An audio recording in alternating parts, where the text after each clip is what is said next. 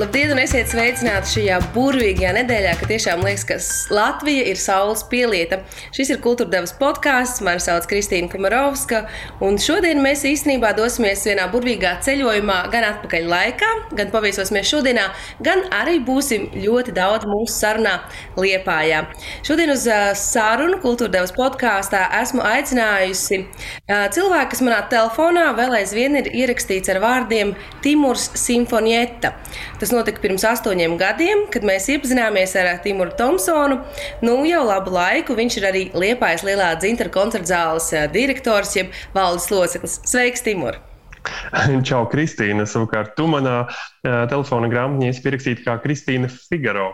Atceries, bija tāds žurnāls, ko tu arī vadīji. Un tad, uh, jā, to es arī nemainu līdz, līdz šim brīdim. Tā sanāca, ka Spīķeros simfonietas telpas atradās blakus telpām, kas bija žurnāla figūra telpas, nu, izdevniecības telpas. Tā sanāca. Toreiz arī mēs tajos gaitiņos satikāmies. Jā, bija labi laiki, vai ne? Tāda spīķeru kvartāls, viss kā dzīvība, interesanti un mm, tāds nu, jaunība, protams, arī mūsu visiem. Kā, jā, bija labs laiks. Tāds eh, jaunības neliels trakums. Ja drīkst, es atceros toreiz, ka tad, kad tu sāki strādāt Latvijas koncertos un uh, kļuvu par simfonijas vadītāju, es domāju, kā var būt tādam nopietnam. Uh, orķestrim, tādam muzikālam sastāvam, nu, tik jauns vadītājs. Gluži man gribējās teikt, zaļš, gurķis, kāds vispār, kurš ir uzdrīkstējies viņu tādā pozīcijā ielikt. Un tad es padomāju pat par sevi, kāds man sakars vadīt tik nopietnu žurnālu kā Figaro. Uh, Timur, uh, At, atceries, uh, kā, kā, toreiz, kā toreiz notika tava nokļūšana tik augstā tomēr, amatā kā orķestra vadītājs? Tas bija diezgan interesants laiks. Es tajā laikā pabeidzu, protams, jau maģistra grādu un kaut kādu jau maģistra grādu kultūras menedžmentā, kaut kāda praksa man ir bijusi. Bet eh, pēc maģistra iegūšanas es aizbraucu uz Rietumu Āfriku, uz Kamerūnu. Pavadīju tur trīs mēnešus, bija izvēdināja galvu uh, no, no Eiropas, uh, un tad es atgriezos atpakaļ rudenī. Un tad es uh, sāku domāt nopietni, ka nu, man jāmeklē tas pirmais nopietnais darbs, un uh, es tiešām mēģināju skatīties visādās, visādos virzienos, bet eh, tad bija izsludināts konkurss Simfonēt Rīga amata vietu, un es ļoti labi atceros to konkursu. Es uh, vienkārši gāju ar tādu pārliecību, un, uh, un pretī sēdēja Normons Šnē. Viņš uzdeva faktiski tikai dažus jautājumus, bet tad vienā brīdī viņš pateica, jā, es gribu strādāt ar šo cilvēku. Tas ir diezgan interesanti, ja es vispār vienmēr, protams, būšu viņam pateicīgs, viņam pateicīgs par šo lēmumu. Bet eh, mm, man liekas, ka orķestrim tajā laikā vajadzēja tādas nelielas pārmaiņas. Un uh, vajadzēja kādas jaunas idejas, uh, lai varētu būt tādu uztaisīt uh, refreshment, tādu atdzīvināšanu nedaudz. Un uh, Normons saredzēja kaut kādu potenciālu, bet uh, Normons jau vispār kopumā arī mūziku izvēlē, izvēloties. Viņš redz tos uh, komponistus ar potenciālu, viņš redz mūziķus ar potenciālu, un tas ir viņa dabiskais talants, man liekas. Un vienkārši man ir jābūt pateicīgam par to, ka uh, mana dzīve kaut kādā veidā mani nu, savada kopā ar Normundu, jo tas, protams, es viņam tiešām esmu pateicīgs, jo viņš man definēja bišķi manu dzīvi. Jā, es tieši gribēju arī par to te teikt, jo iedomājieties, kā būtu, ja tā nebūtu. Vai ne diez, diez vai tas ceļš būtu tālāk aizvedis arī uz lielo dzinteru. Cik gadus tu tagad esi liep, liepājis lielā dzinterā? Man tieši 18. aprīlī uh, palika četri gadi, kopš esmu liepainieks. Tas ir pietiekami uh, garš posms, jā. Tas ir garš posms, un uh, mēs, mēs sākām šo sarunu nedaudz tādu gremdēšanos atmiņās, lai, lai saprastu, ka ka ne viss ir eh, ne visi reizēm ar tāda ļoti liela un smaga darba izpelnīts, bet reizēm tādas zināmas likuma sakarības paver mūsos jaunu talantu, jaunas iespējas, liek mums pilnveidoties. Un es domāju, ka tu esi tik daudz mācījies un izzinājis sevi ne tikai Latvijā, bet arī pasaules mērogā un to pasaules elpu Lielā mērā es atvedu arī uz liepāju lielo dzintaru, jo man sekojot līdzi tam, kā darbojas lielais dzintars, arī šajos krīzes apstākļos nāks secināt, ka, ka, ka liels nopelns tajā visā ir arī tev. Pājot nedaudz atpakaļ, es gribu atgriezties ar tevi brīdī, kad mēs tikāmies pagājušajā gadā kultūrdavā. Tas bija 6. jūnijā. 6. jūnijas būs visam drīz, un tu viesies kultūra devā. Un es nospēlēšu tagad fragmentu par to, kādas bija tās sajūtas pirms gada gaisā. Gors meklē iespēju koncertiem ārpus telpām. Lielais dzintars ir izsludinājis tiešsaistes koncertu no koncerta zāles jumta. Vai šādi pasākumi Ar kādu moto tie notiek? Vai šie spēja aizstāt koncertus uh, tradicionālos? Nē, nu, Gors meklē nu, iespējas ne tikai ārpus, ārpus savas mājas, bet mēs jau otro nedēļu esam eh, atklājuši arī mazo koncertu sēriju. Un, uh, tas virsmērķis mums ir nepazaudēt šo saikni ar mūsu klausītāju. Un šie divi ar pus tukšuma mēneši, netiekoties koncertos klātienē, ir patiesībā ļoti jauši parādījuši, kā tas ietekmē interesi. Interese ir, bet uh, ir dažādi iemesli, kāpēc cilvēki mūs negāž no kājām nost. Nav tā, ka biļešu kase ir piepildīta ar cilvēkiem un ir rinda. Mēs redzam, kādas tendences šis klusuma periods var viest un ir absolūti nepieļaujami likt šīm mājām aizslēgt durvis un teikt, mēs atslēgsim vaļā tad, kad būs labāk.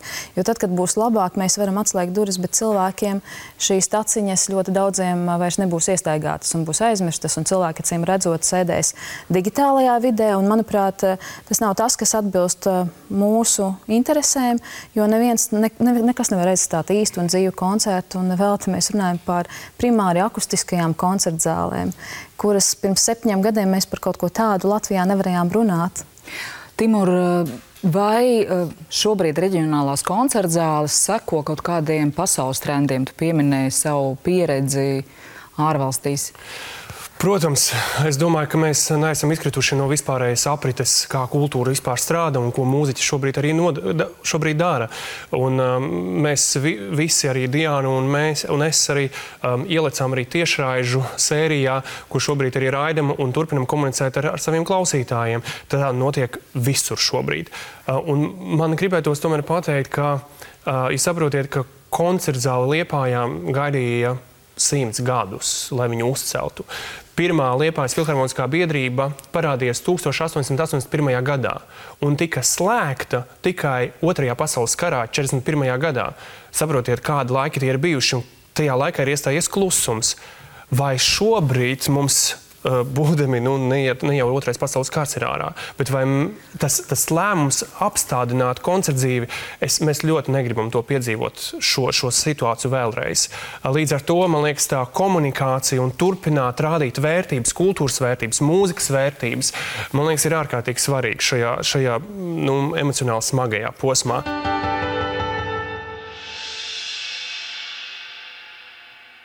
Timur, dzirdēji fragment vai atceries tās sajūtas, kas bija pēc pirmajiem diviem mēnešiem, viesojies kultūra davā un, uh, un, un likās, ka tas ir tikai tāds mirklis, kur mēs nu jau tā kā esam gandrīz pārdzīvojuši. Jā, es ļoti labi atceros šīs sajūtas, jo tas marts ir bijis ārkārtīgi smags pagājušajā gadā, tīri emocionāli. Uh, protams, uh, novembrī mēs piedzīvojam otro lockdownu, bet tam mēs bijām emocionālāk daudz gatavāki nekā pirmajā reizē. Es, tās sajūtas man tiešām glāba tikai uh, tas, ka es no rītiem, astoņos no rīta katru rītu gāju sportot. Tas man vienkārši ļāva izveidot galvu. Un to, ka es, neskatoties to, ka strādāju no mājām, es turpināju ievērot stingru režīmu un uh, daudz pastaigāties svaigajā gaisā. Mums katru pirmdienu bija kolēģu sapulces. Mēs vienkārši turpinājām mūsu darbu, it kā nekas nenotiktu. Un tādā veidā turot sevi mentālajā stabilitātē kaut kādā, bet uh, šis tiešām bija smagais laiks. Kā ir mainījusies lielā dzintara kuģa galvenā misija? Nevis mainījusies, varbūt transformēsies. Tā misija varbūt paliek viena un tā pati, ja sniegt cilvēkiem šo kultūras baudījumu, klasiskās mūzikas, gan izstādes un tā tālāk. Bet kā jūs esat transformējušies, kā ir audzis lielais dzintars šī gada laikā? Es domāju, par šo gadu, vispār par šo gadu, ir tā, ka uh, tas ir tāda ārkārtīgi ātras, ārkārtīgi ātras universitātes kurs, kas tika iziets pa šo laiku. Jo man liekas, tāda izaugsme un tā zināšanas, ko mēs esam ieguvuši šajā laikā, ir nu, tāds mm, normāli cilvēki to iegūst, nezinu, četros gados bakalaurā, piemēram. Bet, uh, um, ja prūrā gadījumā to, ka mēs ar klātieni esam pazaudējuši to reģionalitātes varbūt aspektu, bet mēs esam ar digitalizāciju izgājuši tādā globālajā pasaulē.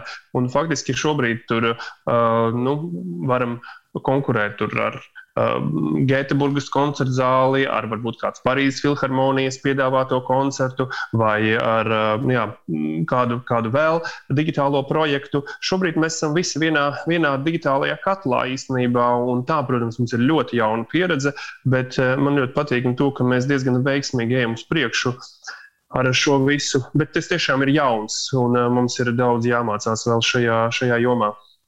Es atceros, februārī Lielais Zintrs izsūtīja preses relīzi, skaļi paziņoja, ka ir pirmā Latvijā digitālā koncerta zāle. Jums bija tāds pamatīgs skaļš arī tas PR gājiens, bet saki godīgi, vai ja nebūtu bijis Covid, vai jūs būtu atraduši tos 30 tūkstoši, vai cik maksāja tā tehnika, lai, lai, lai digitalizētos, lai sāktu spēlēt jaunā līgā? Jā, mēs to darītu tāpat. Tas faktiski ir jāskatās diezgan ārpus Covid, jo mm, mēs esam jau pirms tam diezgan daudz braukājuši apkārt, braukājuši pa Eiropu. Mēs bijām ar kolēģiem arī Berlīnas filharmonijā, mēs bijām arī Gēteburgas koncerta zālē un Stokholmā, kur es arī strādāju. Faktiski mēs tur esam jau pētījuši, kādā veidā viņi uh, translē koncertus, un tas tiešām nav nekas jauns. Ja mēs paskatāmies, kas notiek Lietuvā, Lietuvas filharmonija ir, ir sava Lietuvas filharmonijas televīzija. Ja tu ienāc Igaunijas uh, simfoniskā orķestra mājaslapā, viņiem ir tāds ERSO TV.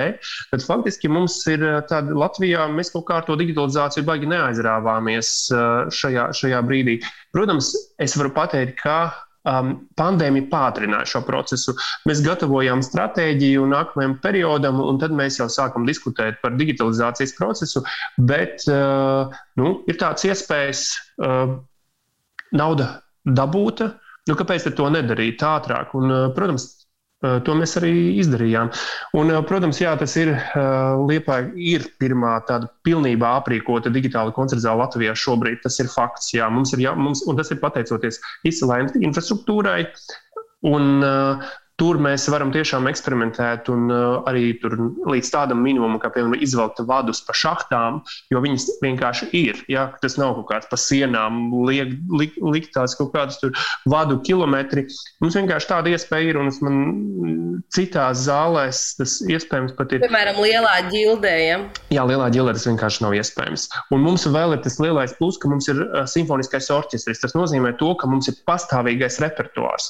Un atšķirīgi varbūt no teātra no nozares, eh, kas ir ārkārtīgi sarežģīts eh, tādai eh, digitalizācijas iespējām, viņš tā nav pakārtots īsti, jo tur ir aktieru spēle, tur ir ļoti daudz kustību, tur ir tieši tā, jā, jā, tur arī ir, protams, ir diezgan sarežģīti ar autortiesībām visām, un parasti arī teātri veido izrādes, tur, piemēram, nezinu, desmit reizes nospēlēt, jā, vai tur vairāk. Mūsu gadījumā tie koncerti notiek vienu vai divas reizes, un uh, faktiski orķestris sēž statistiski, statiski Un uh, viņus ir diezgan vienkāršā veidā var arī rādīt, uh, pirms tam izējot, nu, piedaloties arī mēģinājuma procesā. Tā kā šās visas iespējas mums ir devušas tādu uh, nu, variantu, to, ka mēs turpinām savu darbu īstenībā uh, nu, sajūtot to Covid ietekmi samērā maz. Jā, bet saki, lūdzu, es paskatījos, protams, salīdzinājumā ar normālo pasauli, kurā es nezinu, kad mēs atgriezīsimies, un tā būs noteikti cita. Koncerti tomēr ir daudz mazāk, bet man ļoti interesē tas, cik daudz cilvēku ir gatavi pārslēgties un pieslēgties šai digitālajai uh, koncerta zālei. Kāds ir tas uh, cilvēku patēriņš vai interese klausīties šos klasiskās mūzikas koncertus attālināti? Jā, nu tā ir arī mana, protams, profesionālā interese saprast to tirgu un saprast vispār, vai cilvēki to vēlās darīt vai nē. Un uh, es uh, droši vien sākšu ar to, ka uh, interese par to ir. Un, um, ja mēs skatāmies, kāpēc visas Eiropas uh, nu, lielās koncerta zāles faktiski nodarbojas ar šo, jo ir skaidrs, to, ka tā ir vienkārši mūsdienu nepieciešamība. To parāda statistika, cik cilvēki laika, daudz laika pavada internetā, cik uh, uh, cilvēki vispār lieto internetu un kāda auditorija lieto internetu. Ja? Un, ja šobrīd es varu paskatīties uz saviem vecākiem, kas visi sēž Facebookā un uh, varbūt vairāk nekā es, un iespējams, ka pēc desmit gadiem nu, viņi varbūt izvēlēsies kaut kādu iemeslu dēļ um, arī skatīties saturu internetā, nu, ka viņi to varēs arī darīt. Vienkārši, bet es domāju, ka jā, interese jau ir. Bet biļetes, piemēram, tev ir izdevies pārdot, tā kā, zini, ir uh, izpārdots lielais intereses koncerts, vai ir izdevies izpārdot kādu koncertu, ja mēs skatītos pēc skatītāju vietām? Jā, es domāju, ka jā. Mēs varam pateikt to, ka pagājušajā gadā mēs esam uh, mm, tirgojuši uh, vairākus pasākumus, un mūsu statistika parāda, ka uh, tika notirgoti 708 biļetes, uh, tiešāžu biļetes, un šogad mēs jau nu, pateicoties, protams, arī skolas somai un mūsu digitālajiem saturam, ko mēs pēc tam pārdodam. Tas nav tikai atceramies to, ka tas, tu vairs nestrādā kā ar tradicionālo pasākumu, kur tu uh, tikai tajā brīdī pārdod saturu, pārdod tiešraidi un viss, un aizmirst par to. Saturs jau to paliek. Tu saturu tirgo arī pēc mēneša, pēc diviem mēnešiem. Tas nozīmē, ka jūs veidosiet arhīvu. Tieši tā, veidojas arhīvs. Tu vari arī modificēt šo programmu. Un mēs, piemēram, izveidojam vienu džēza koncertu, Kristīna Vanadzina trio, arī, arī džēza arī, arī, arī vidusskolēniem. Ar piemēram, džēza vēsturi pirms tam ir, ir, ir izklāstīta, un arī jautājumu lapas ir izveidots. Un šobrīd mēs esam pārdevuši līdz vakardienai 1916 digitālās biļetes, un jau varu pateikt, ka arī jau šodienu tas cipars ir lielāks. Tā kā Protams, pandēmija to veicina. Tā, tā digitalizācija prātos notiks, ja tā digitalizācija arī mūsu prātos notiks. Es, piemēram, vēl neesmu, pateikšu godīgi, es vēl neesmu uh, atradusi to vēlmi izņemot kultūra randiņus, ja, kur, kur mēs eh, klausāmies eh, arī koncertu slēpējumu vajag un tā tālāk. Protams, baudām klasisko mūziku. Arī šonadēļ mēs eh, dosimies skatīties. Um, koncertu īpašā vietā, ko mēs tagad negribam no, nospoilerēt, ja, ko mēs darīsim. Bet uh, mēs klausīsimies arī koncertu. Un, uh, Bet pašai mājās man nav radies vēl šis pieredums, ka es varētu, piemēram, pieslēgt savam televizoram vai datorā, ieslēgt, noskatīties koncertu, jo man gribas aiziet un sajust to čēlu, nezinu, smaržu un, un, un foliju, un, un, un nevis foliju, bet šo. Šampanieti un balzāmiņu iedzert, un es tev ļoti labi saprotu. Tu visu to sajūtu koncerta, kad tu redzi tos Jā. cilvēkus, kad ir tā klātsamība, un man daļa no tās klasiskās mūzikas baudīšanas ir, ir, ir, ir, ir būšana tajā vietā un laikā, jo mājās ir pārāk daudz, ir kaķis, ir suns, ir, ir, ir kaut, kāda, kaut kas zvana, kaut kas vēl, bet koncertā tu esi spiests būt tik klātesošs, ka, ka tas ir patīkams spiediens, kurā tu piedzīvo to koncertu, vai ne? Es tev piekrītu, Kristīna, un zinu, kā mēs uh, neviens neatceļ šobrīd uh, klātienes koncertu burvību. Tas ir fenomenāli unikāli, un es orķestris man diezgan daudz mēģina arī šajā laikā. Arī rīt, no rītdienas viņam ir ieraksti, un arī tad, kad ir digitālie koncerti, es mēģinu ienākt arī vienkārši pasēdēt klātienē uz mēģinājumā un sajust to vibrāciju.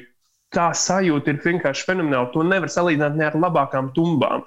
To, ka tas skaņas vilnis vienkārši ietriecās tevī un tevi pārsteidz ja? kaut kādā forte fortissimo variantā.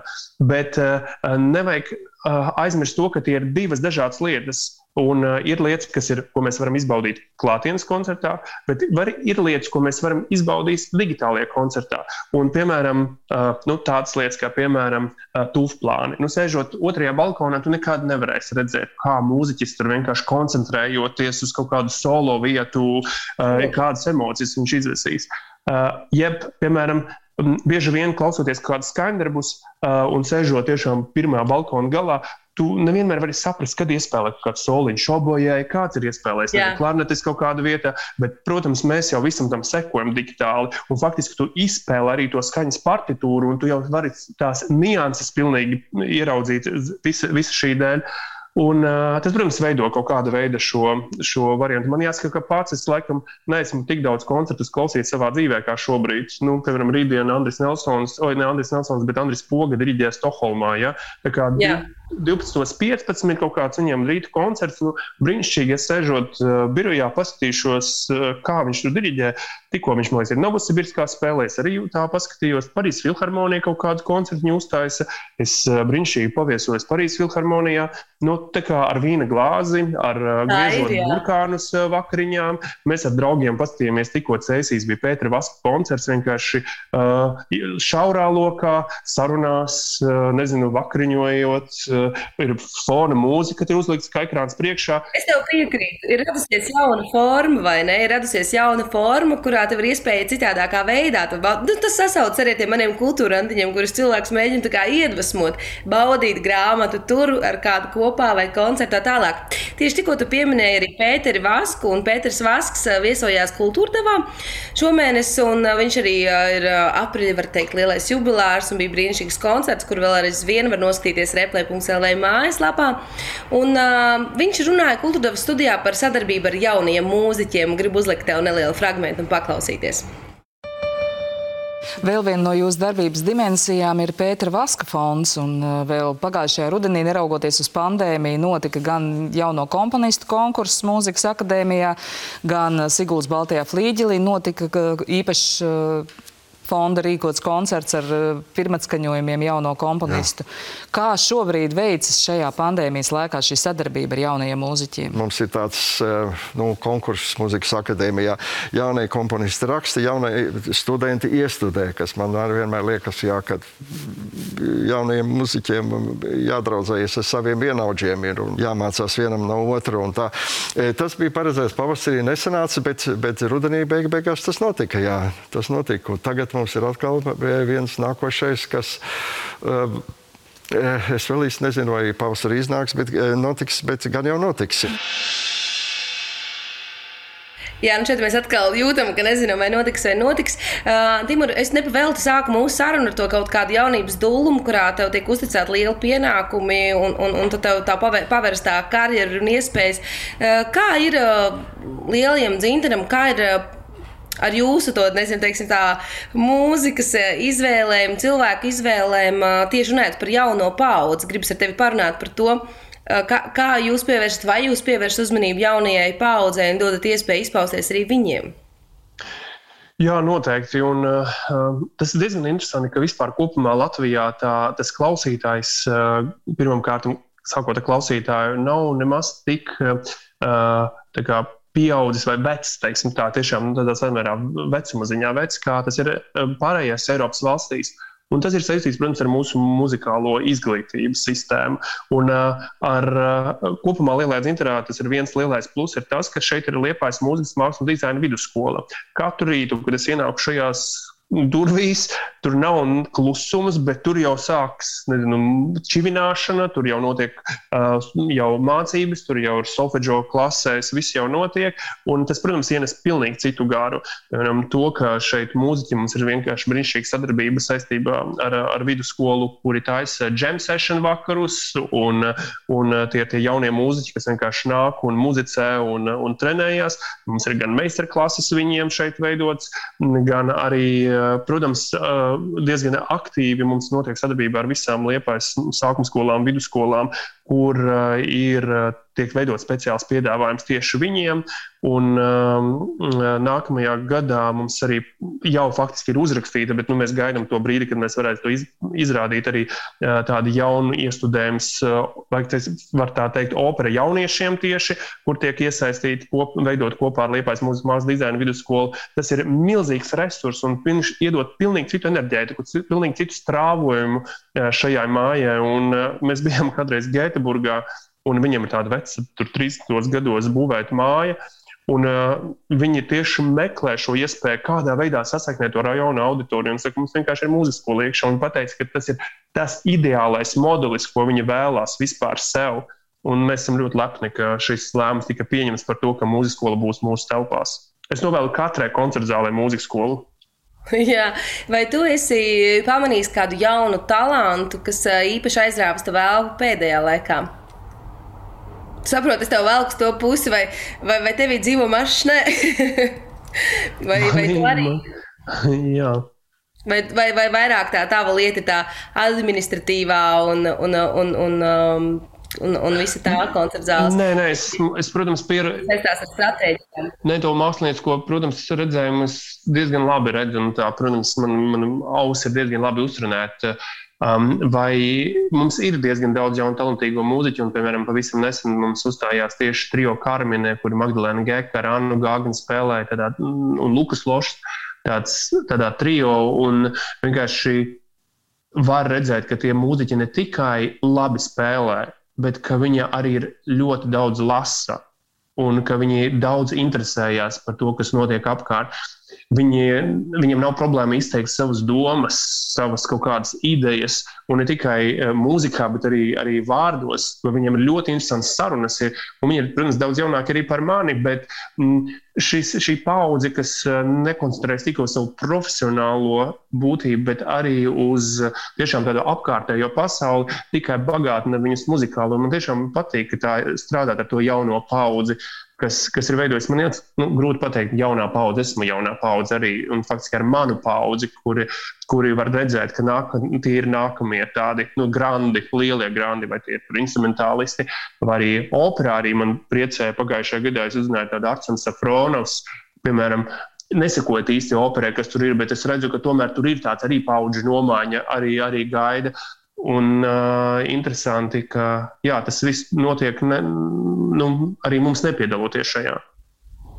Jā, tev taisnība. Jo redzi, mēs runājam par to, par to laiku, teiksim, mēs ienācām tajā, tajā klasiskās mūzikas pasaulē. Mums, mums tas bija apmēram viens laiks, 8, 9 gadi atpakaļ, kad uh, arī bija, bija šie. Bija Vestars Šimkus, viņš, varbūt nebija jau nu, tik jau kā saka, jau tagad jau nobežājies un tādu, tādu pamatīgu vietu ieguvis uz Latvijas mūzikas skatuves. Bija vēl daudz uh, citi, teiksim, jaunie mākslinieki. Uh, Tolaik atceros arī mūsu akordeonista Ksenijas Sidorova, ja viņas tādi pirmie lielie, skaistie, nopietnie koncerti notika, viņi dzīvoja ārzemēs, es atceros tās mūsu tikšanās ar tiem šiem mūziķiem, kas tagad jau skaidri nopietni mūsu vērtību par šiem gadiem kļuvusi.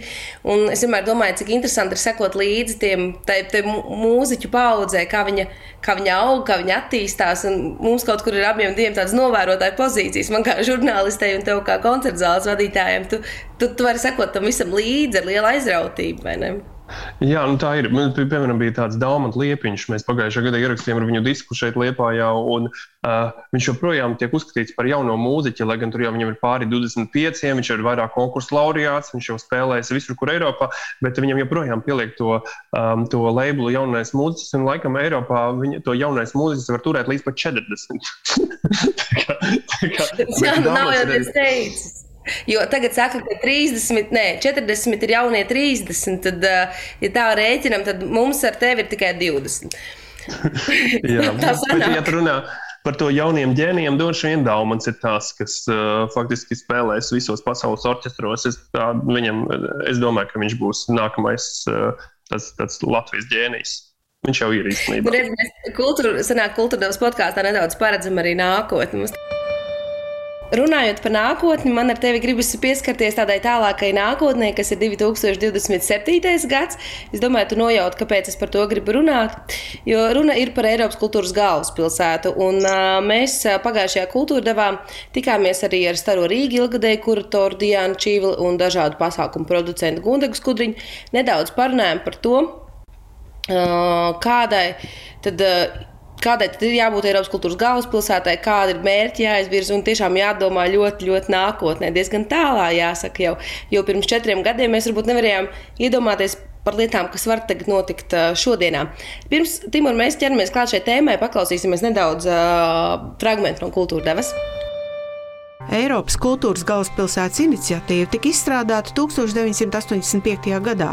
Pirmā pilsēta, kas šo titulu ieguva, bija Atēnas, Grieķijā. Šogad laikā Eiropas kultūras galvaspilsētas titulu ir ieguvušas 62 pilsētas.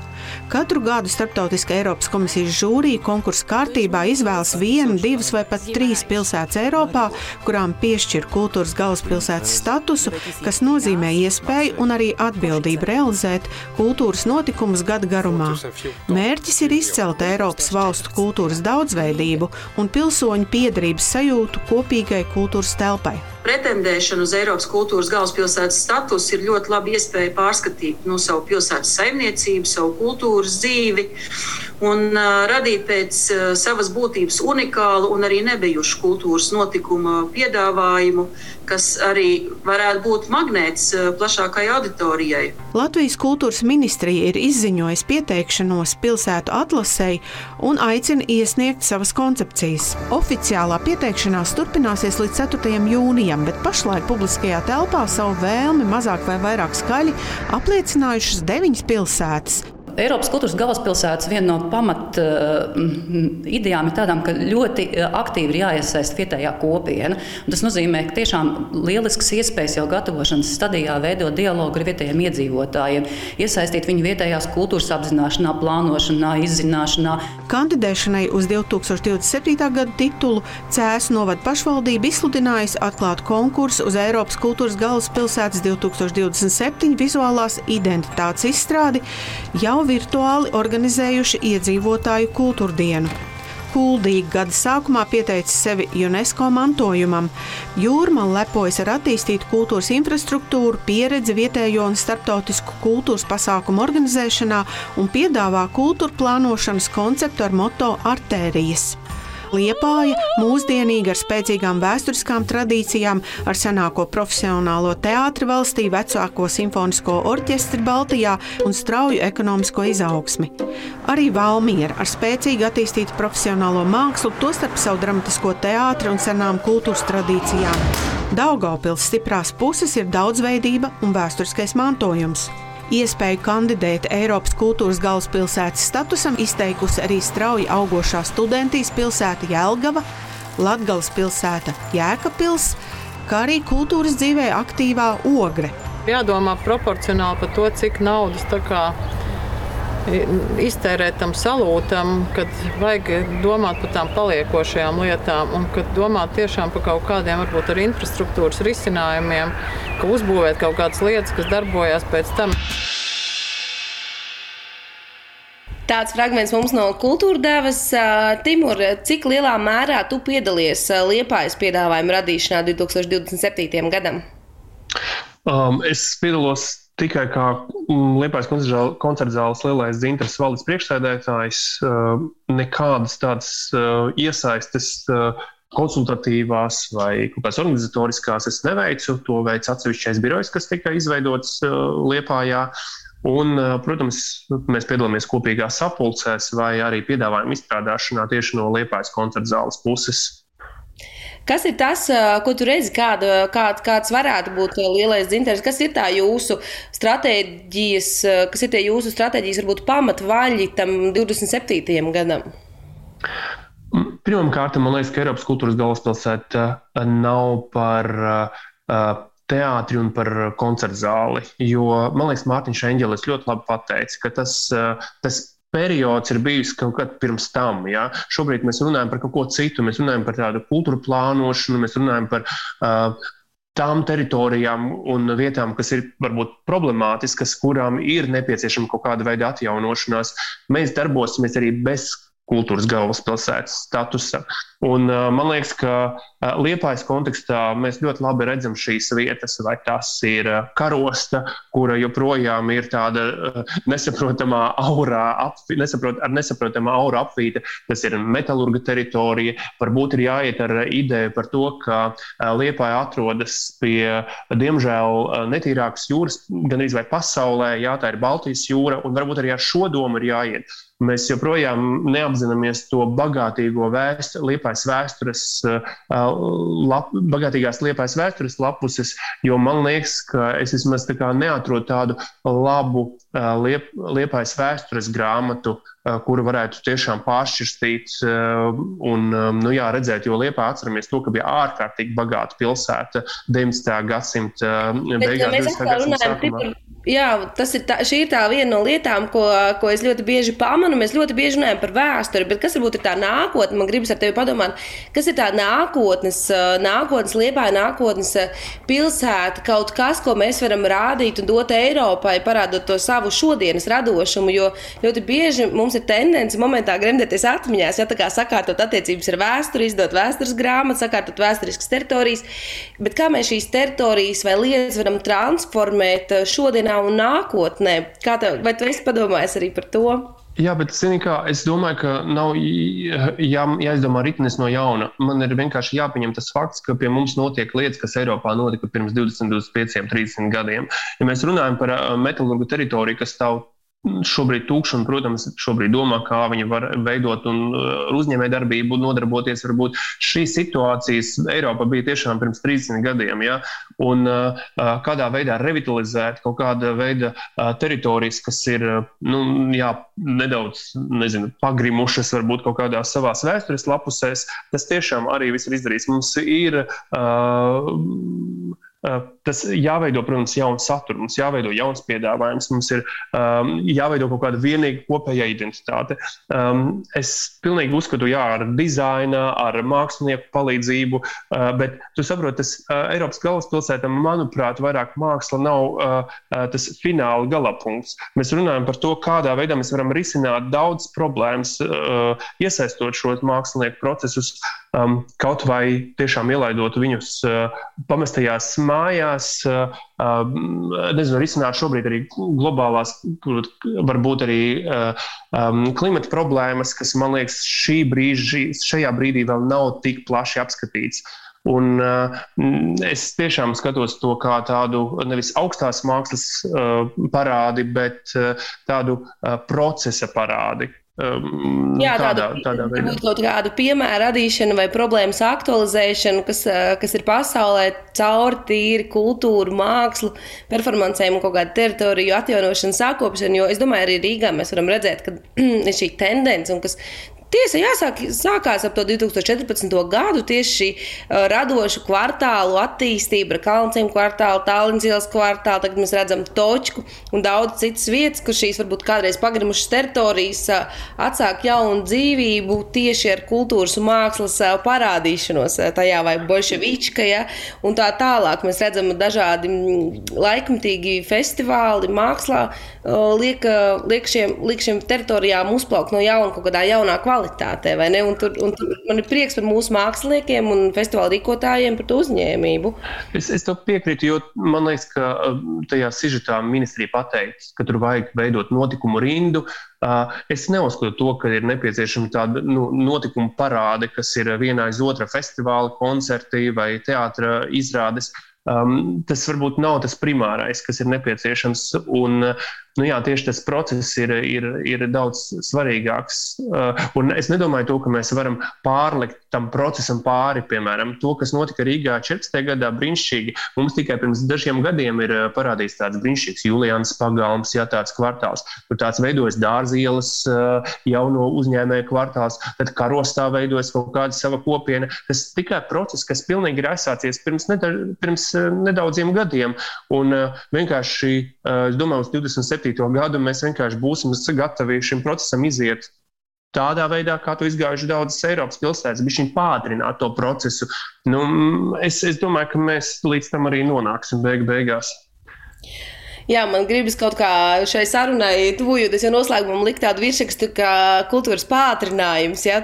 Gan tas lēciens no jaunības, kaut kādās nopietnās lietās, gan lēciens nākotnē, skatoties uz, uz kaut kādiem procesiem, un arī par jauniem māksliniekiem parunājām. Un studijās, starp citu, viesojās nu, jau pieredzējusi modes mākslinieca Natālija Jansone, un viņa stāstīja par to, kā mainīsies viņas dzīve. Un es domāju, viņa ir daudz ko mainījusi, ja mēs runājam par latviešu modi un dizainu un attieksmi par to. Paklausīsimies nelielu fragment no Natālijas teiktā studijā. Natālija, kā ir mainījusi pandēmija tava dzīve? Es saprotu, ka diezgan stipri, jo nākas kolekcijas arī pārdot attālinātā versijā. Tu vairs nevari aizsūtīt, vai tev ir jāsūta tikai drēbes, nevar aizsūtīt veselas kolekcijas, jo viss kaut kur jau viņas vajag, jātaisa digitāli. Tu strādā arī pie sava internetu veikala. Kādi izaicinājumi vēl? Nu, principā ir plus. Vispirms tas ir interesanti. Vienmēr, jebkuras uh, pārmaiņas, viņi ir vienmēr uz labu. Mēs to vēl sapratīsim un tā tālāk. Un uh, bišķiņas pat atpūšos no tādiem četriem vai sešiem noteiktiem braucieniem.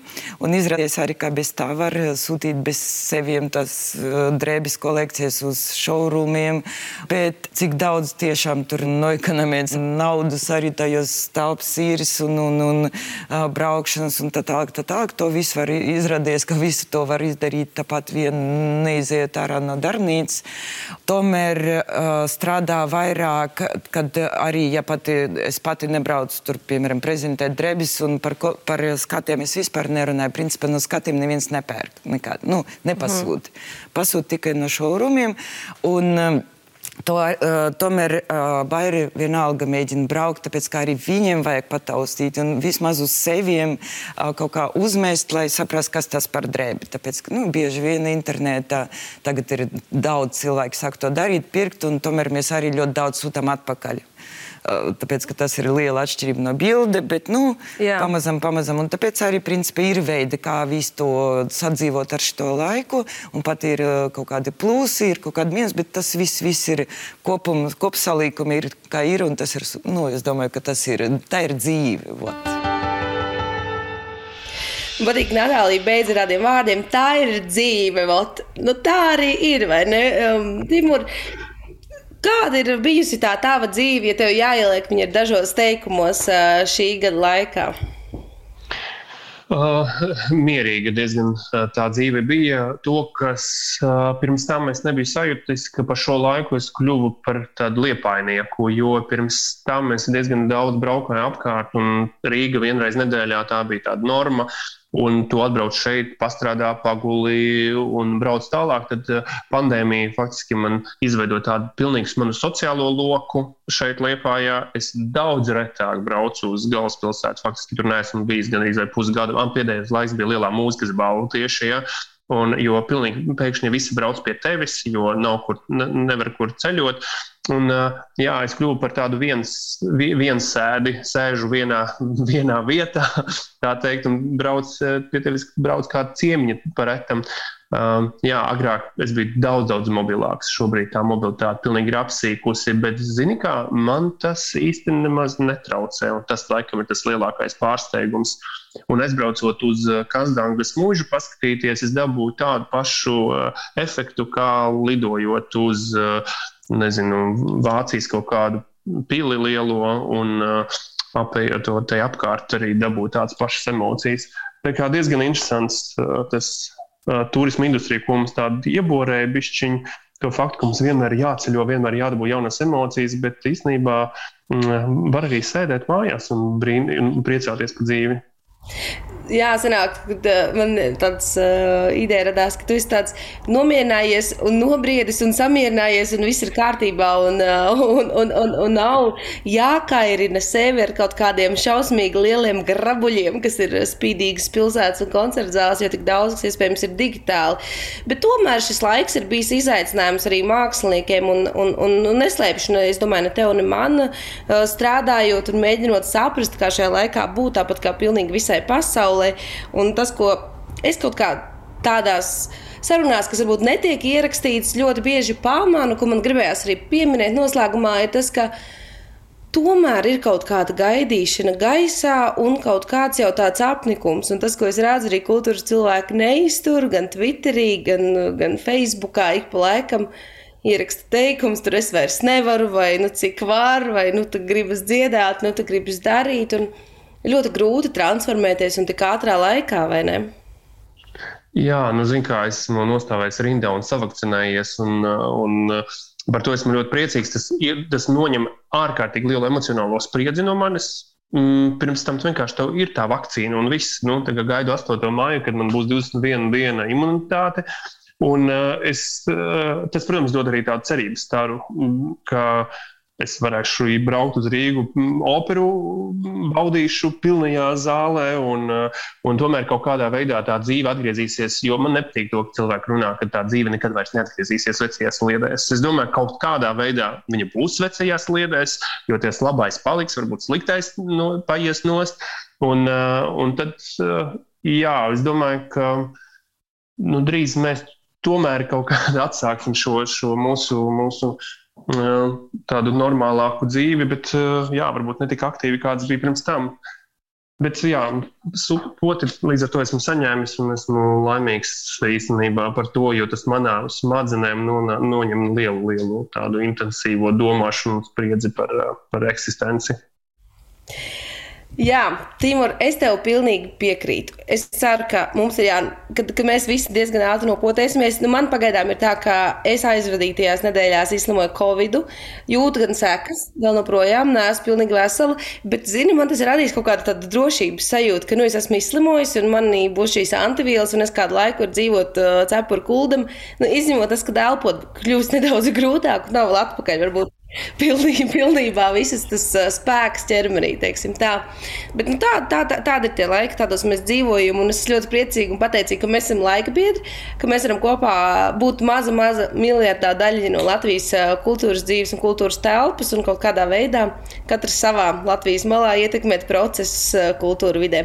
Nu, jā, un tas galvenais, ko tu pateici, neapstādināt procesu. Un mēs esam līdzdalīgi par šo procesu, par kultūras procesu. Tas jācīnās, lai viss notiek arī šajā laikā. Vēl pēdējais jautājums. Vai tev ir kāds ieteikums, ko noklausīties, ko paskatīties vai ko izlasīt? Es aicinu skatīties, protams, mūsu digitālos koncertus un izmēģināt šo pieredzi. Un uh, mums ir divi koncerti, gan 9. maijā mātes dienai veltīts koncerts Arpas virtuozi, Joels von Lerbrechts no Šveices. Tāds šveic, Vācijā dzīvots šveicietis brauks kopā ar Dārtu Tisenkopu atskaņos brīnišķīgu Arpas duetus.